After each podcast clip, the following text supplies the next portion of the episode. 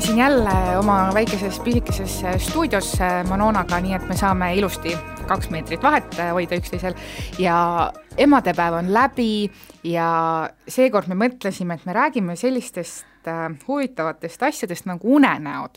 Ja öeldakse, et sa elad tegelikult kaks korda, üks kord unes ja teine ilmsi. me siis räägime sellest elust, mis on unes milline on sinu viimane kõige veidram unenägu, mida sa näinud oled? kusjuures äh, mulle on see kriis hästi mõjunud, ma tõesti magan nii hästi, et ega ma neid unenägusid enam väga ei mäleta. aga viimane selline veider unenägu oli see, et äh, paar kuud tagasi ärkasin ma järjekordselt äh, üle hulga aja üles äh, selle peale, et ma olin näinud unes, et äh, ma magan ühe oma endise, mitte just kõige paremini lõppenud suhte kõrval. ja ma mäletan, kuidas ma tundsin tohutult viha ja ängistust, et kurat, see jama ei ole siiamaani mööda saanud, et kuidas ma nüüd sellega ära diilin, kuidas ma sealt minema saan ja siis äh, tuli mul nii-öelda unenäos meelde see, mida ma olin tegelikult kunagi varem juba endale nii-öelda alateadvusesse üritanud sokutada.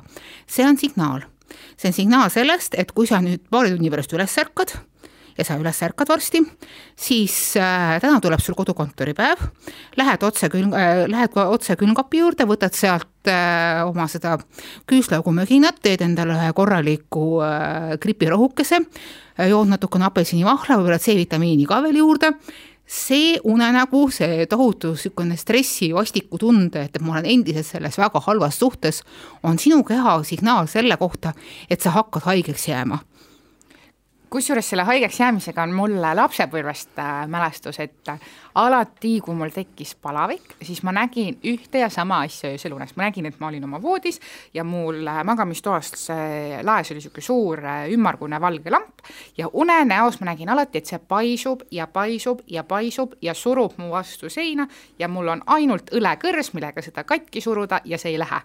ja nagu Aamen kirikus, pärast seda mul oli alati palavik. no vot, see ongi, et, et unenägu on tegelikult meie alateadvus äh, viis kuidagi mingisuguseid päevaseid äh, asju ja ka see, mis meie enda kehas toimuvad, toimuvaid protsesse kuidagi äh, noh, kas süstematiseerida või siis äh, neist vabaneda või siis kuidagi äh, sellega nagu äh, hakkama saada. et äh, seetõttu mina olen ka aru saanud ja ma olen sellest ka mitu artiklit kirjutanud, et äh, unenägude seletajaid universaalseid pole olemas. et tegelikult iga inimene saab ise endale luua oma unenägude seletaja ja ma olen üritanud seda nagu läbi aastate niimoodi teha, et, et noh, et mitte ainult, et ma ei oska oma unenägusid kodeerida et mis sümbolid ma näen, mis on minu jaoks mingisuguse asjanduse sümbolid.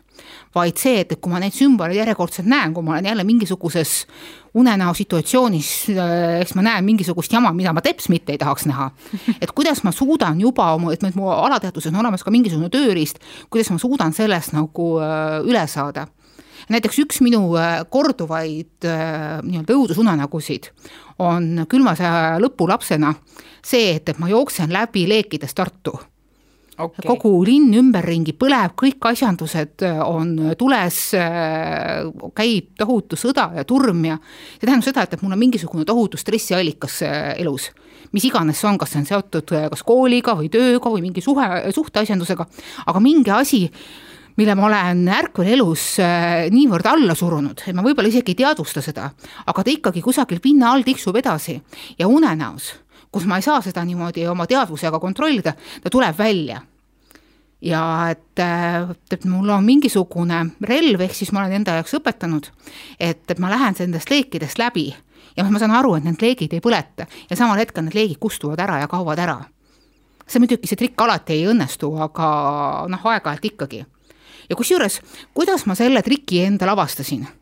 ma avastasin selle niimoodi, et kunagi aastaid tagasi toimetasin ma ühte frantsiisi väljaannet, äh, kus kohas sisu tuli nagu välismaalt ja meie pidime selle nagu Eesti jaoks äh, suupäraseks tegema. ja seal anti meile ette mingisugune maagiline lugu, et see oli kõike nende maagia ajastu, maagialugude või niisuguste müstiliste lugude tipphetkel ja seal oli kirjeldatud, et noh, et, et näed, et noh, et, et inimene nägi unes seda, et, et kuidas äh, tal tuli mingisugune must mees akna alla ja ja tuli mingi must käsi ja hakkas teda kägistama ja issand jumal, et et kuna ta siis mitu kuud hiljem perekonnas keegi ära koolas, et see oli kindlasti surm ise, mis tuli teda nagu äh, hoiatama ja et, et noh, et, et vaata, milline õudne ja maagia ja muu niisugune asjandus. ja mulle tundus see kuidagi niimoodi kahtlane, sest et ka mina olen sedasama musta kätt ja musta musta maa, musta asjandust näinud enda akent all unes. ja hakkasin uurima seda asja vaikselt äh,, rääkisin erinevate psühholoogidega, uurisin jällegi seda, seda Seiki igasuguseid psühholoogilisi raamatuid ja saite ja portaale ja mis seal välja tuli? seesama asi, et, et et tegemist on sellise ürgnarratiiviga, mida me kardame, et kusagilt tuleb keegi tume võõras äh, ründaja ja teeb midagi äh, meiega, mille, milleks me ei ole valmis ja kuhu me ei saa mitte midagi teha. et see on tegelikult alateadvus üritab sulle anda signaali, et ta tegeleb millegi suure ja vastikuga äh, sinu enda jaoks ja et, et noh, et, et, et see, mis see, mis see parasjagu on, selle pead sa iseendas nagu üles otsima ja ma hakkasin meenutama, et, et noh, et millal ma seda musta asja äh, nagu viimane kord nägin. ja nägin ma seda näiteks äh, üks, üks nendest juhtumeid oli niimoodi, et äh, olime just matnud äh, ühte mu hästi kauget hõimlast ja see matus oli ses mõttes, et noh, vanem inimene oli juba teada, et, et noh, et, et minek on ja keegi ei olnud nagu ka niimoodi ülemäära kuidagi äh, traagiliselt kurb, et noh, et, et kõik olid loomulikult nukrad, mälestati inimest ja kuna ilm oli eriti kihve, eriti kehv ja just oli niisuguseks külmaks ja märjaks läinud, siis äh, kõik pigem tundsid muret selle üle, et ega nad nüüd haigeks ei jää ja noh, mina olin tulnud linnas mingisuguse olematu vantlikesega ja külmetasin ennast ikka päris korralikult ära. ja siis ma öösel jäin magama ja ma nägingi seda, kuidas minu voodialutsisse tekkis pimeduses, pilkasest pimedusest veel tumedam suur passiivne rist. ja ma magasin selle teki all täiesti ihualasti, sest et noh, loomulikult ka öösärgi olin unustanud kaasa võtta. ja ma ei osanud mitte midagi teha unes, et tõusin püsti ja suundusin äh, käsi ees niimoodi pea, peopesa äh, õieli seda risti puudutama, mis mul alateadvuses peas oli, ma ei kujuta ette. ja läksin, puudutasin seda risti ja samal hetkel see rist kadus ja samal hetkel ma ärkasin ka üles ja ma olin ka päriselt äh, voodis istukile tõstnud, tõusnud käsi ees ja siis oli kõrmul ikka tõsiselt friiki olla no seda unest ärkamist. ja järgmine hommik ärkasin ma üles korralikult nõusa ninaga ah,. no vot ja et, et äh, olingi saanud päris kena niisuguse litaka endale äh, haigust ja noh, järgmised kaks nädalat istusin kodus, kooli minna ei saanud. no seda unest ülesärkamist on ka minul olnud äh,, aga niimoodi, et äh, unenäos nutan ja ärkan üles ja nutan ka päriselt ja silmad äh, jooksevad vett, padi on märg, aga ükskord, see nüüd ei ole mingi midagi tähendusega või selles mõttes, et äh, nagu ei ole mingeid tumedaid jõud, jõudusid mängus. no aga siin ka ei olnud tumedaid jõude mängus, lihtsalt oli minu organism, mis ütles, et, et noh, et kui sa mind järjepanu külmetad ja sa oled just käinud äh, surnuaial igasuguste haudade ja ristide keskel, siis äh, noh, kuidagi ma pean sulle ütlema, et, et äh, järgmine kord äkki paned natukene soojemat riidesse või üleüldse, kui väljas tuleb mingisugust puhast pussnuga alla, et äh, siis ei panda mingisugust kevadmantlikest selga, sest, et see on su ainukene musta värvi riietuse sepp kapis. aga mina mäletan, äh, see oli äh, äkki mu esimene suvi, kui ma käisin päriselt tööl ja töötasin ühes kioskis ja seal oli niisugune pisemat sorti rööv või noh, nagu vargus, pisivargus ja ja nagu ikka sellistes kohtades, sellest tuleb teatada, eks ole, teha mingi avaldus ja ma pidin minema tunnistama. ja, ja see oli äh, noh, suvine aeg, eks ole, ega iga päev ei käinud tööl ja siis oli ju töö, tööst vabadel päevadel oli pidu ja pillerkaar ja olin ühel, ühele peole siis või olemisele jäänud ööseks ja ma nägin unes, et ma sain sõnumi, et, äh, et see ütluste andmise koht muutus, et ma pean minema hoopis ühte kooliaulasse ja, ja hoopis teisel kellaajal.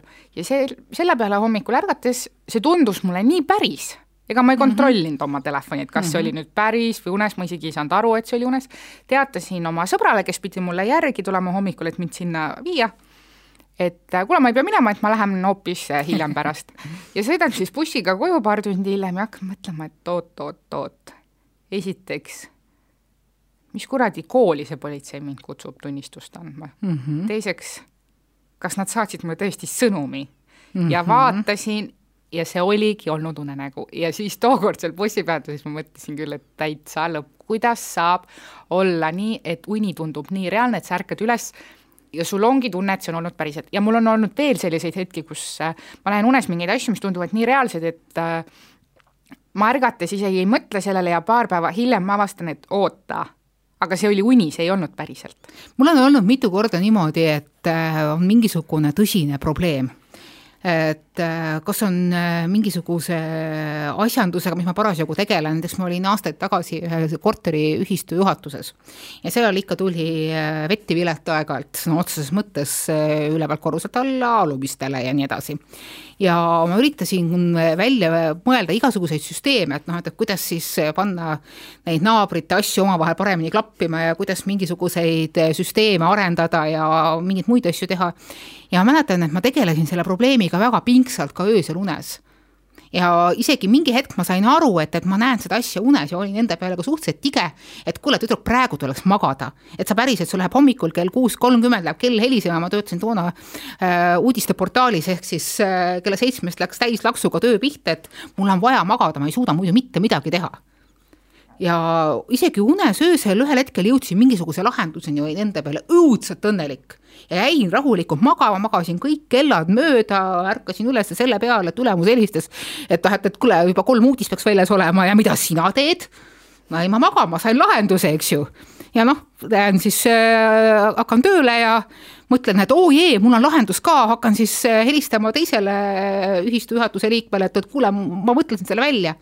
Ja sel hetkel, kui ma hakkan telefonis äh, valima seda ja mõtled, et aga mis see lahendus oli?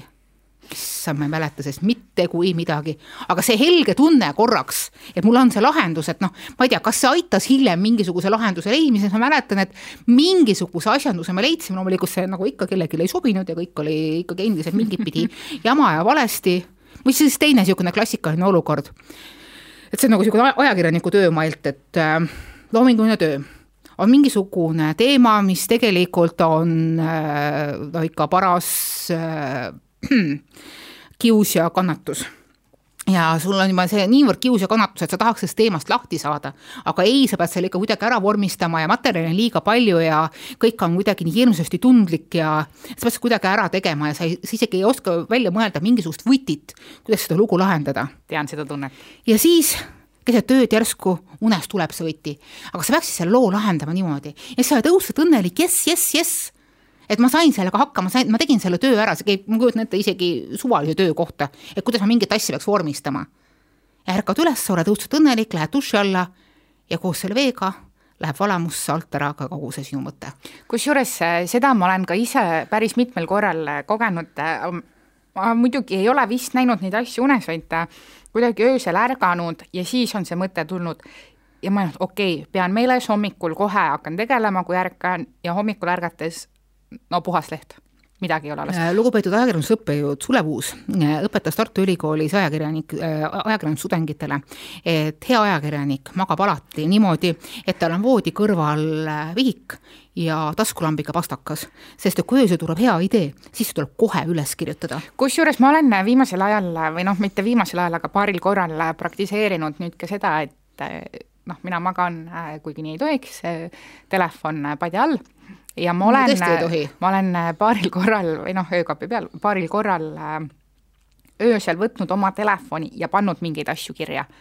ja, ja küllaltki segaselt, sest inimene öösel või uneuimas äh, mõtleb kuidagi täiesti teistmoodi mm. -hmm ja paaril korral on ise ja nendel paaril korral on hommikul nendest mu segastest märkmetest, mida ma pean hakkama tõlkima iseendale, ka abi olnud. et see võib-olla see märkmik ja taskulambiga pastakas oleks parem kui see nutitelefon. ma tean inimesi, kes näiteks magavad niimoodi, et, et on mingi unenägude seletaja padja kõrval ja no. siis iga, iga kord, kui nad hommikul üles ärkavad, siis nad vaatavad nii, täna ma nägin sellest, seda unes, et äh, keegi suri ära.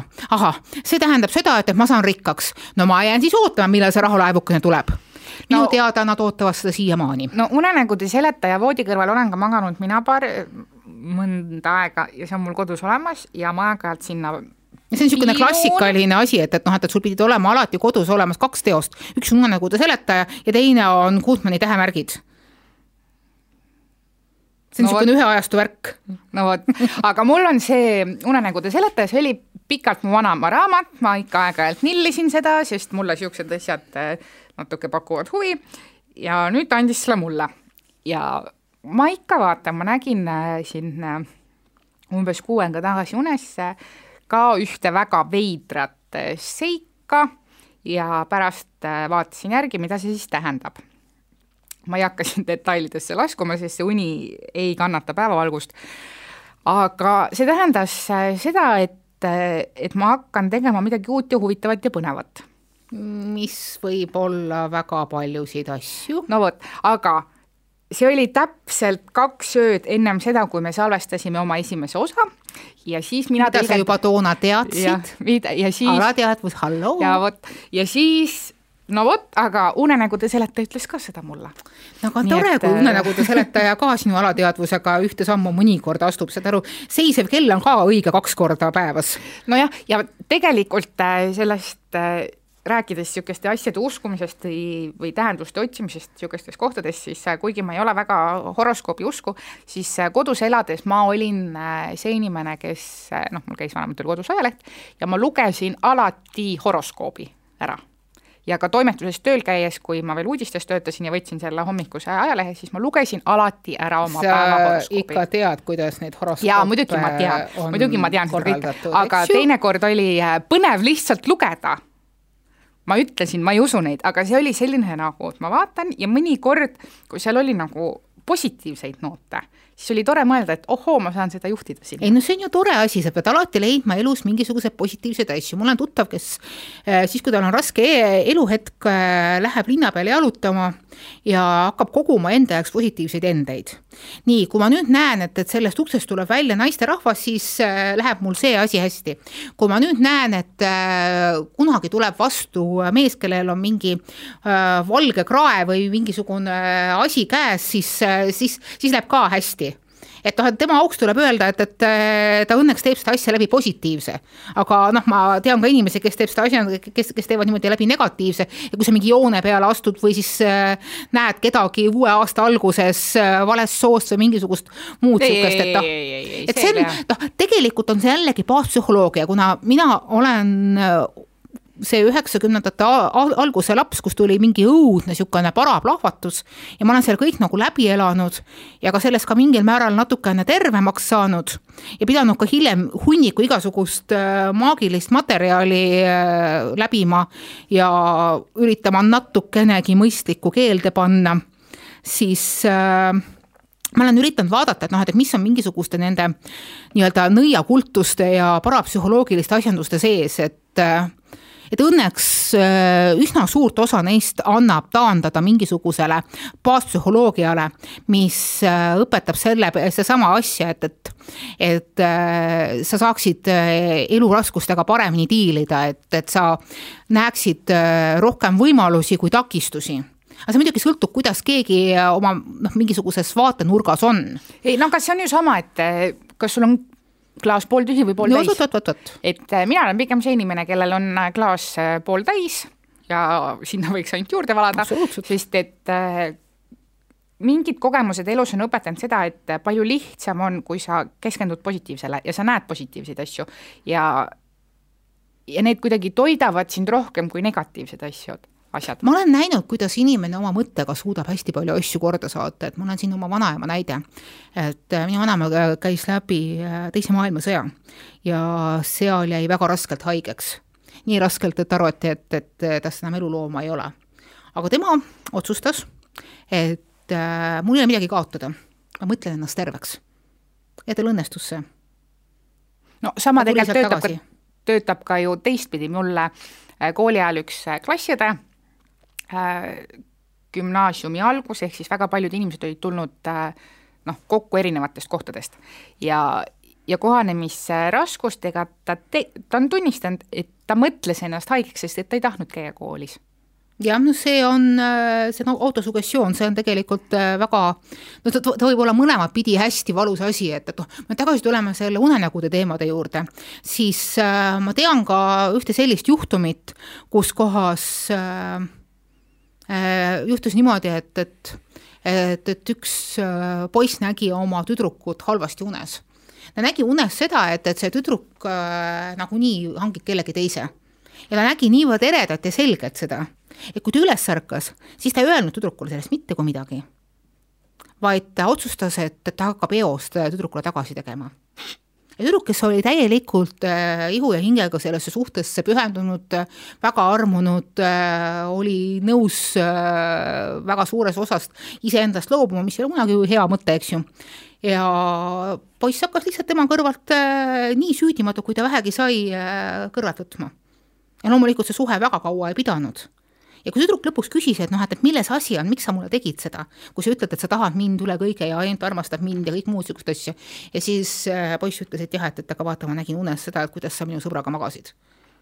ja noh, ma seda pealt kuulasin, siis mul oli see, et, et äh, ma nüüd jah, okei okay kusjuures hull asi oli see, et see tüdruk pärast seda veel mõtles, et, et äkki ma saan seda suhet ikka kuidagi päästa, ma ütlesin ei, ma soovitan sul natukene unenägu näha, et, et äkki sa nagu ka päriselt näed midagi, kedagi teist unes ja soovitavad mitte sellest sõpruskonnast.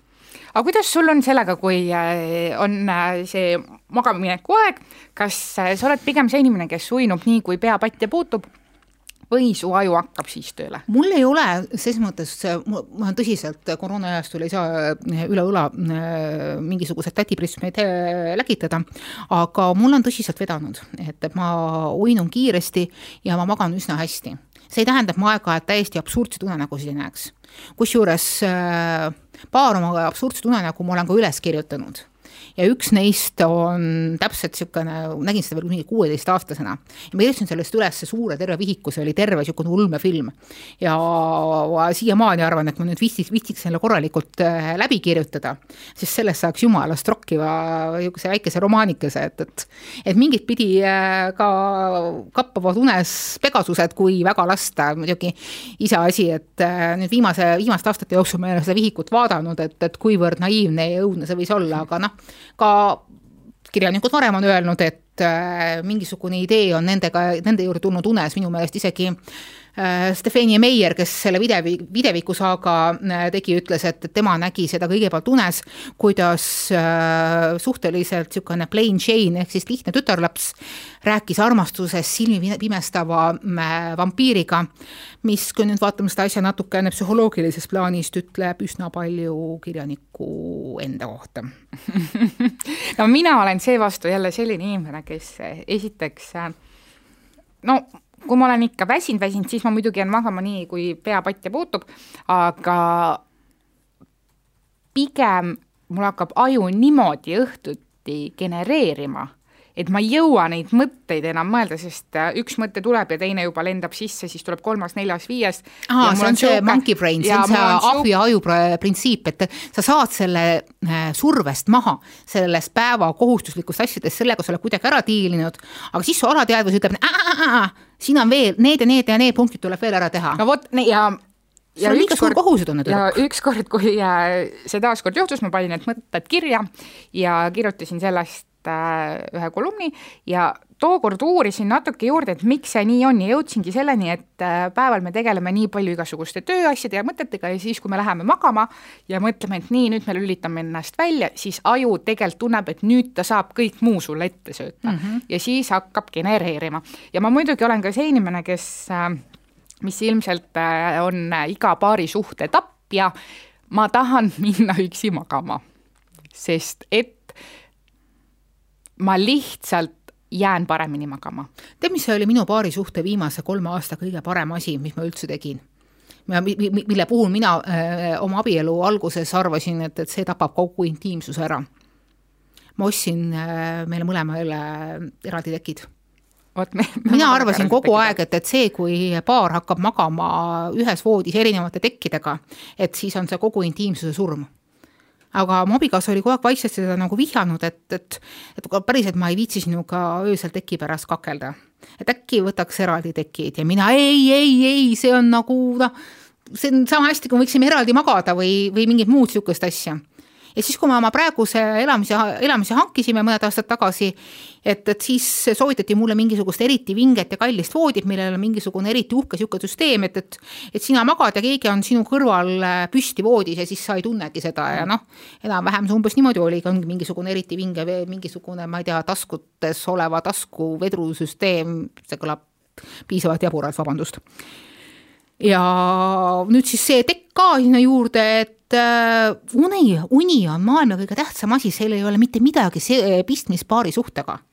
ma olen nõus no sest meil ei. inimene ei... peab saama magama, sest et kõige, kõige jõhkramaid piinamisvahendeid on ju ka see, et, et inimestel lasta magada see on see äh, ebainimlik ja, ja kõige julmem piinamisviis, mida mõned väga-väga halvad inimesed väga õudsetes kinnipidamisasutustes teevad. no meil oli eile õhtul täpselt sarnane situatsioon, me vaatame praegu ühte sarja ja, ja selle jaoks on meil aega siis, kui äh, meie laps on läinud magama.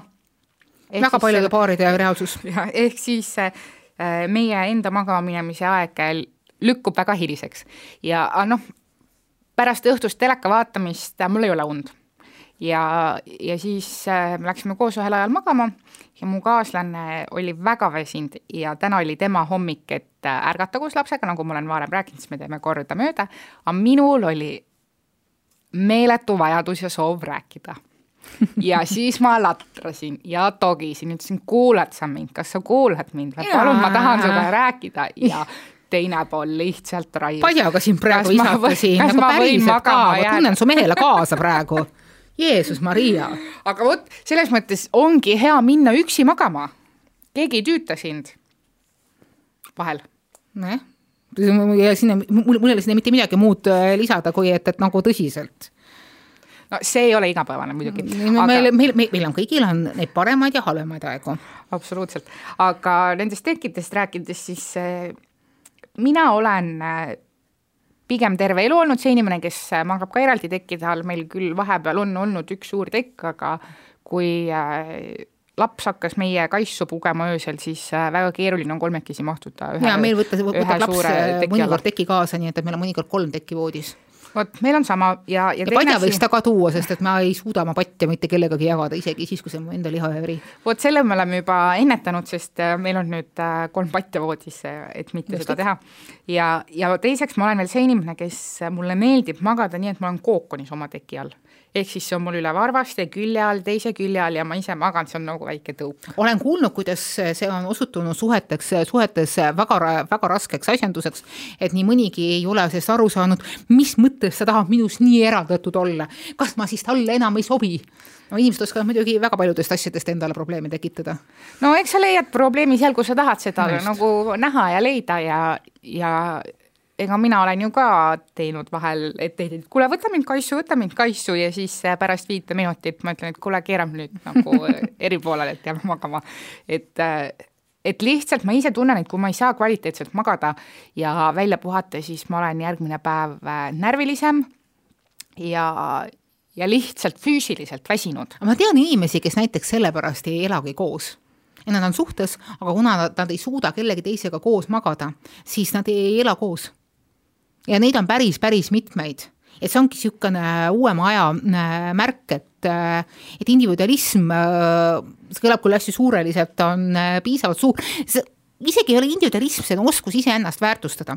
sest et tegelikult sinu suhte väärtust või sinu suhte see nii-öelda tunde õigusust ja suurust ei tähenda ju see, et, et noh, et, et, et sa ilmtingimata pead selle inimesega selle ühe teki all selles ühes voodis, ühes korteris üles, üles ärkama. ja kaisus. ja, ja oh, päriselt ahistatus, ahistus appi. et, et kõige olulisem on see, et, et noh, nii-öelda need hinged kokku kõlavad, et need hinged on mingisugustes kõrgemates sfäärides seal ühes sünkroonis. nii poeetiliselt ja, ja kaunilt. selle eest, eks ju võib-olla ma magasin äh, täna öösel halvasti, tegelikult muidugi mitte, sest et äh, täna öösel oli mul see tore asi, et, et meie väikene laps ei roninud kell kuus hommikul meie juurde ja hüüdnud, et emme, mis sa magad. ei no kell kuus on veel hästi, meil. väljas on valge. meil kõige hiljem on tulnud äh, viis kakskümmend, täna oli kell üks null kaheksa ja ma ei olnud veel magamagi jäänud see on päris õudne, viimane kord mul õnnestus talle öelda, et, et palun mine oma voodisse, kusjuures ta läks kusjuures meil võib-olla jääks ka, sest et ta hüüab oma voodis mind ma paaril korral olen proovinud, et ma poen sinna korraks kaisu ja ta uinub, aga ta tuleb ikkagi tunni aja pärast äh, uuesti ja, ja kui ma sinna jään, siis võib juhtuda, et ma jään seal ise magama ja seal veedetud öö väikses kitsikuses mu üks tuttav ei, ei, ei ole väga meeldiv. meie üks tuttav ema ütleb selle kohta, uksed tuleb vahepeal kinni panna. No vot, ma olen ka seda proovinud, äh, mu lapse toa uks jääbki kinni, kui ta läheb magama, aga meie magamistoa uks äh, jääb lahti selle poolt, kes viimasena tuleb ja, ja ühe korra ma olen tõmmanud selle kinni ja see lõppes sellega, et see laps hüsteeriliselt nuttis kahe ukse vahel, sest ta ei saanud aru unesegasena, kuhu ta minema peab. ehk siis äh, mul ei ole rohkem südant okay, seda teha. okei, okei, saame aru, et, et kusagilt peab, kusagilt peab järgi andma. aga noh, unenägude maailmas äh, see noh, nagu me teame, kõik ei ole niisugune lotte, kus saab, äh, kus kohas saab lennata ja igasuguseid muid toredaid asju teha, et, et et ma olen küsinud äh, paari psühholoogi, paari inimese käest, et kuidas nad seda kodeerimist teevad, et, et noh, et kuidas nad äh, ennast nagu rahustavad. ja ma olen ka küsinud mõnede väga pingelise ameti peal olevate inimeste käest, kelle noh, vähemgi vääratus äh, on kohe terve vabariik ees ja kes on tõsiselt väga suure stressi all. et kuidas nad seda teevad, kuidas nad suudavad magama jääda ja kuidas nad need vastikud unenäod eemale saavad ja nad on kõik rääkinud, no mitte päris kõik, aga väga paljud neist on öelnud, et, et, et nad üritavad teadlikult ehitada enda ja selle argipäev või selle õhtu vahele, mis jääb nagu sinna maha, mingisugust kas või mentaalset seina. ma ei tea, kui hea nõuanne see on, aga näiteks mind see ühel väga äh, raskel ja kurnaval eluetapil, kus ma pidin kaksteist tundi järjest töötama ja kõik see aju jahvatas täpselt samamoodi edasi, sest et noh, et, et kõik, niipea kui ma üritasin magama, tuli kõik paisu alt vuh välja et siis see niisuguse mentaalse seina vahele ehitamine, see nagu aitas, et noh, et, et nii, see on praegu see sein, siin on selle päeva probleemid, ma tegelen nendega võib-olla järgmine päev edasi, aga praegu, praegu on minu aeg, ma pean aru saama, see on praegu minu aeg, et ei tule mul unenägudesse vahele, sest et siin praegu on minu jaoks sein, see on ka teie jaoks sein. aga kui palju sina oled üldse näinud unestööd? olen ikka päris palju näinud. et äh, siin äh, nagu mul ka mõned kolleegid on öelnud, et see noh, eraldatus on tinginud ka selle, et, et ma näen äh, mõnikord töökaaslasi unes. Ja just selles niisuguses äh, muhedas, lahedas võtmes, et et, et ma tõsiselt ei ole oma toredate kolleegidega näost näkku väga kaua nagu kohanud. ja siis ma mõnikord näen unes, kuidas me kohvinurgas mingi asjanduse üle naljatleme, keegi viskab mingisuguse toreda killu või jagab mingisugust lahedat, lahedat ideed, et. et need on noh, mingil määral ka need, millest ma nagu praegu puudust tunnen. et, et noh, et eks siis mu alateadvus üritab mind aidata ka selles osas, et, et noh, okei okay,, reaalelus sul on nagu see puudu, aga ma siis üritan sulle kasvõi unenäos anda no mina vist äh, ikka aeg-ajalt olen näinud, mulle muidugi praegu ajakirjandusliku töö poole pealt äh, ei meenu ühtegi, aga kooli ajal, kui ma töötasin äh, toitlustusasutuses, siis ma ikka nägin aeg-ajalt. Ja selliseid unenägusid, et, et sa oled üksi tööl ja sa pead terve restorani ära teen-, teenindama. Ja siis ma küll vahel ärkasin, mõtlesin, huh mm. -hmm. külm higi jooksis üle keha, mõtlesin, et see oli kõigest uni. üks mu äh, korduvaid õudusunenägu, mitte isegi õudusunenägusid äh,, oli see, et äh, ma pean minema autorooli. ja noh, ma olen selline inimene, kellel siiamaani ei ole lube, eks ju ja ma pean minema autorooli ja ma ei, ja ma ei saa seda autot juhtida mitte esimeselt istmelt, vaid ma pean seda autot juhtima tagumiselt istmelt. ja mulle tundub, et, et see auto paneb kohe suurel, suurel kiirusel kuristikku ja noh, mida paganat ma nüüd teen? ja kogu selle tohutu suure ähmi juures äh, jõuab mulle kohale üks asi unenäos. nii, nüüd tuleb olla hästi rahulik, kui raske see asi olla saab. autot äh, sa ju põhimõtteliselt tead, kuidas töötab, eks ju, tead küll et äh, nüüd hakkame hästi rahulikult, hästi niimoodi käed ette suunatud varbaotstega pedaale puudutades, nüüd me hakkame vaikselt sõitma ja mida rohkem äh, ma seda unenägu näen, seda lähemale see tagumine iste äh, nihkub äh, roolile ja seda paremini see auto sõidab kusjuures peale seda, kui ma läksin ka päriselt autokooli ja õppisin ka päriselt autoga sõitma, pärast seda ma seda unenägu kordagi näinud ei ole. kusjuures see autode unenägu on päris veider, sest noh, mul on küll load, aga see oli ka, äkki ma ei ole ka pärast seda näinud, kui ma load sain, aga ma olen näinud korduvalt unes, kuidas ma sõidan oma ema autoga, mille ja mul on ka see alati isa auto. millel, noh, mul on alati ema auto olnud, millel gaasipedaali vajutades auto kiiremini sõitma ei hakka, vaid ma olen nagu tigu keset liiklust, ma ei saa kuskile keerata ega pöörata, sest rool lihtsalt ei liigu ja ma olen seal nagu lõksus ja ainus asi, mida ma saan teha, on tagurpidi parkida ja selle käigus ma rihin veel kõrval auto küljepeegliga ema auto ära.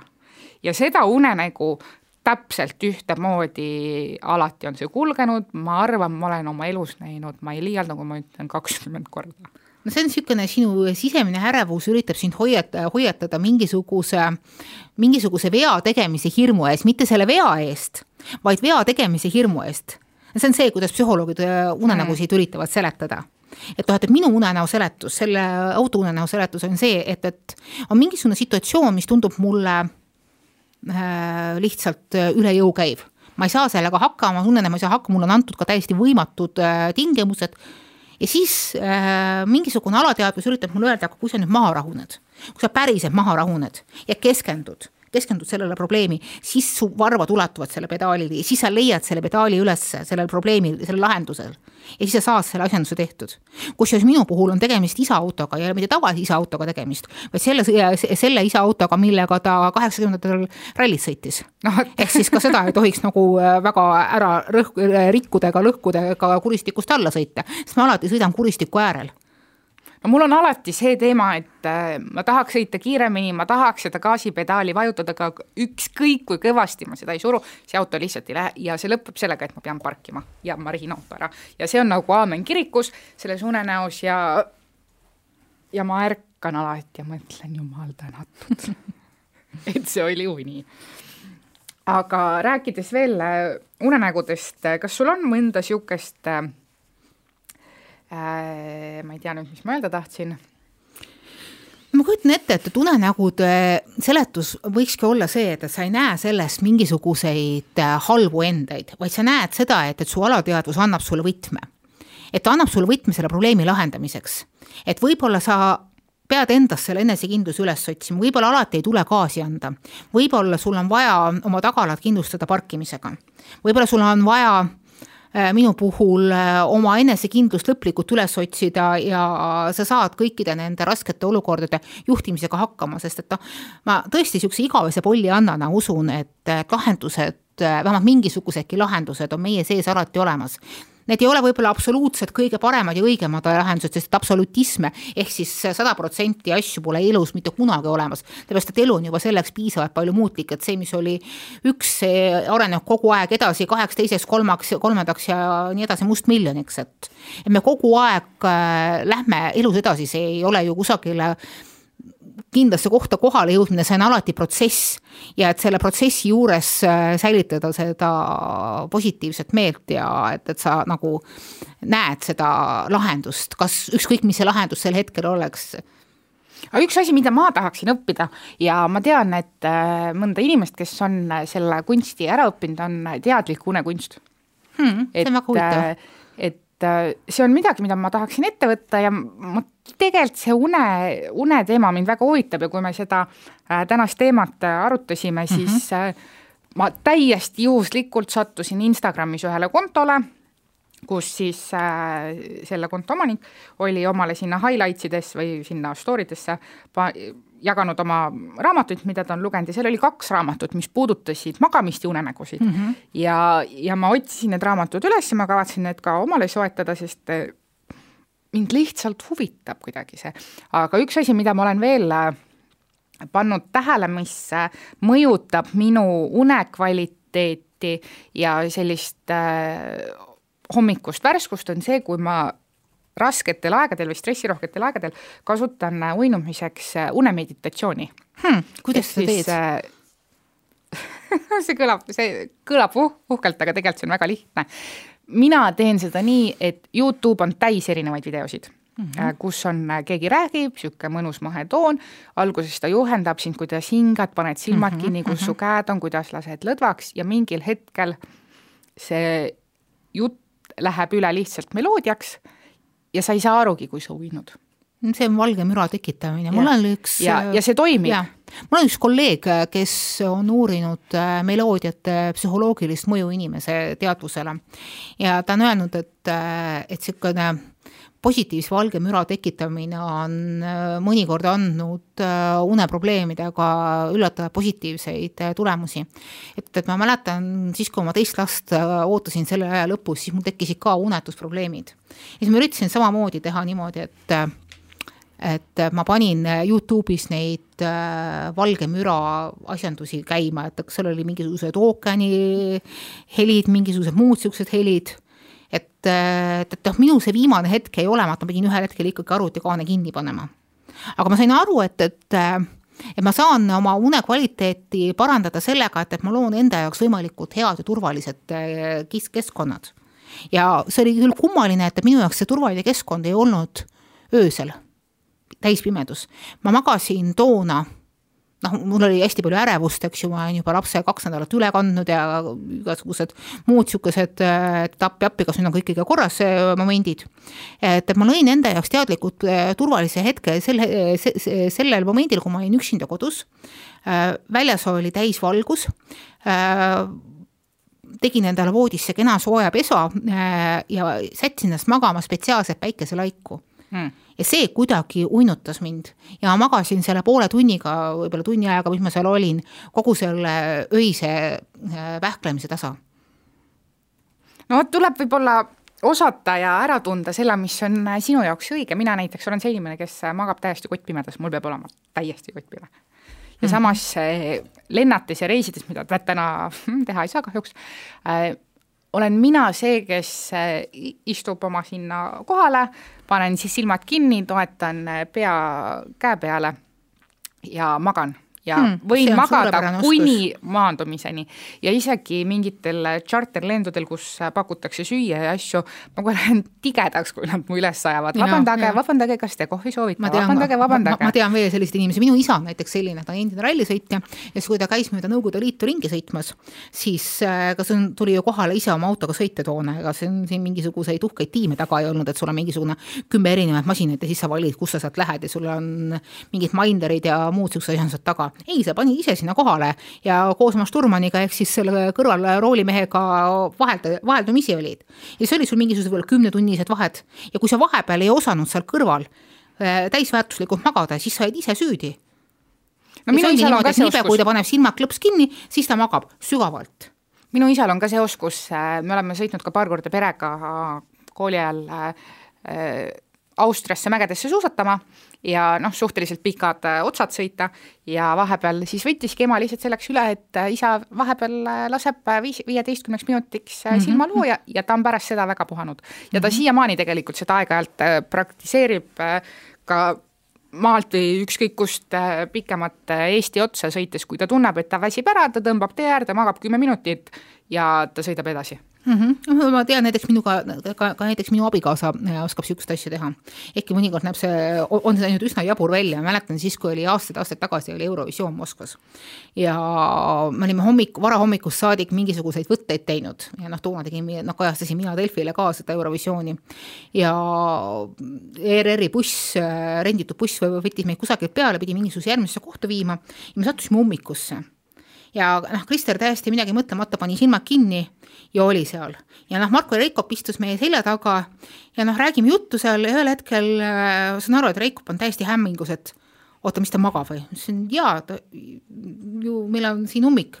Reikop ütles, et pagan, see on ikka nii, nii ka kadestusväärt oskus aga millega me tänaseks teema kokku nüüd võtame? no võtame teema kokku sellega, et äh, uni on ja unenägud on üks osa meie elust ja neid saab õppida vaatama, neid saab õppida juhtima ja tegelikult see halb unenägu ei pruugi üldse olla otseselt see halb unenägu, sa näed unes, et ülemus sõimab sul näo täis, ei tähenda seda, et, et kohe tulevad koondamispaberid, vaid et äh, sul on mingisugune muu äh, alateadvuse probleem sind äh, kratsimas, mis ei pruugi üldse olla tööga seotud.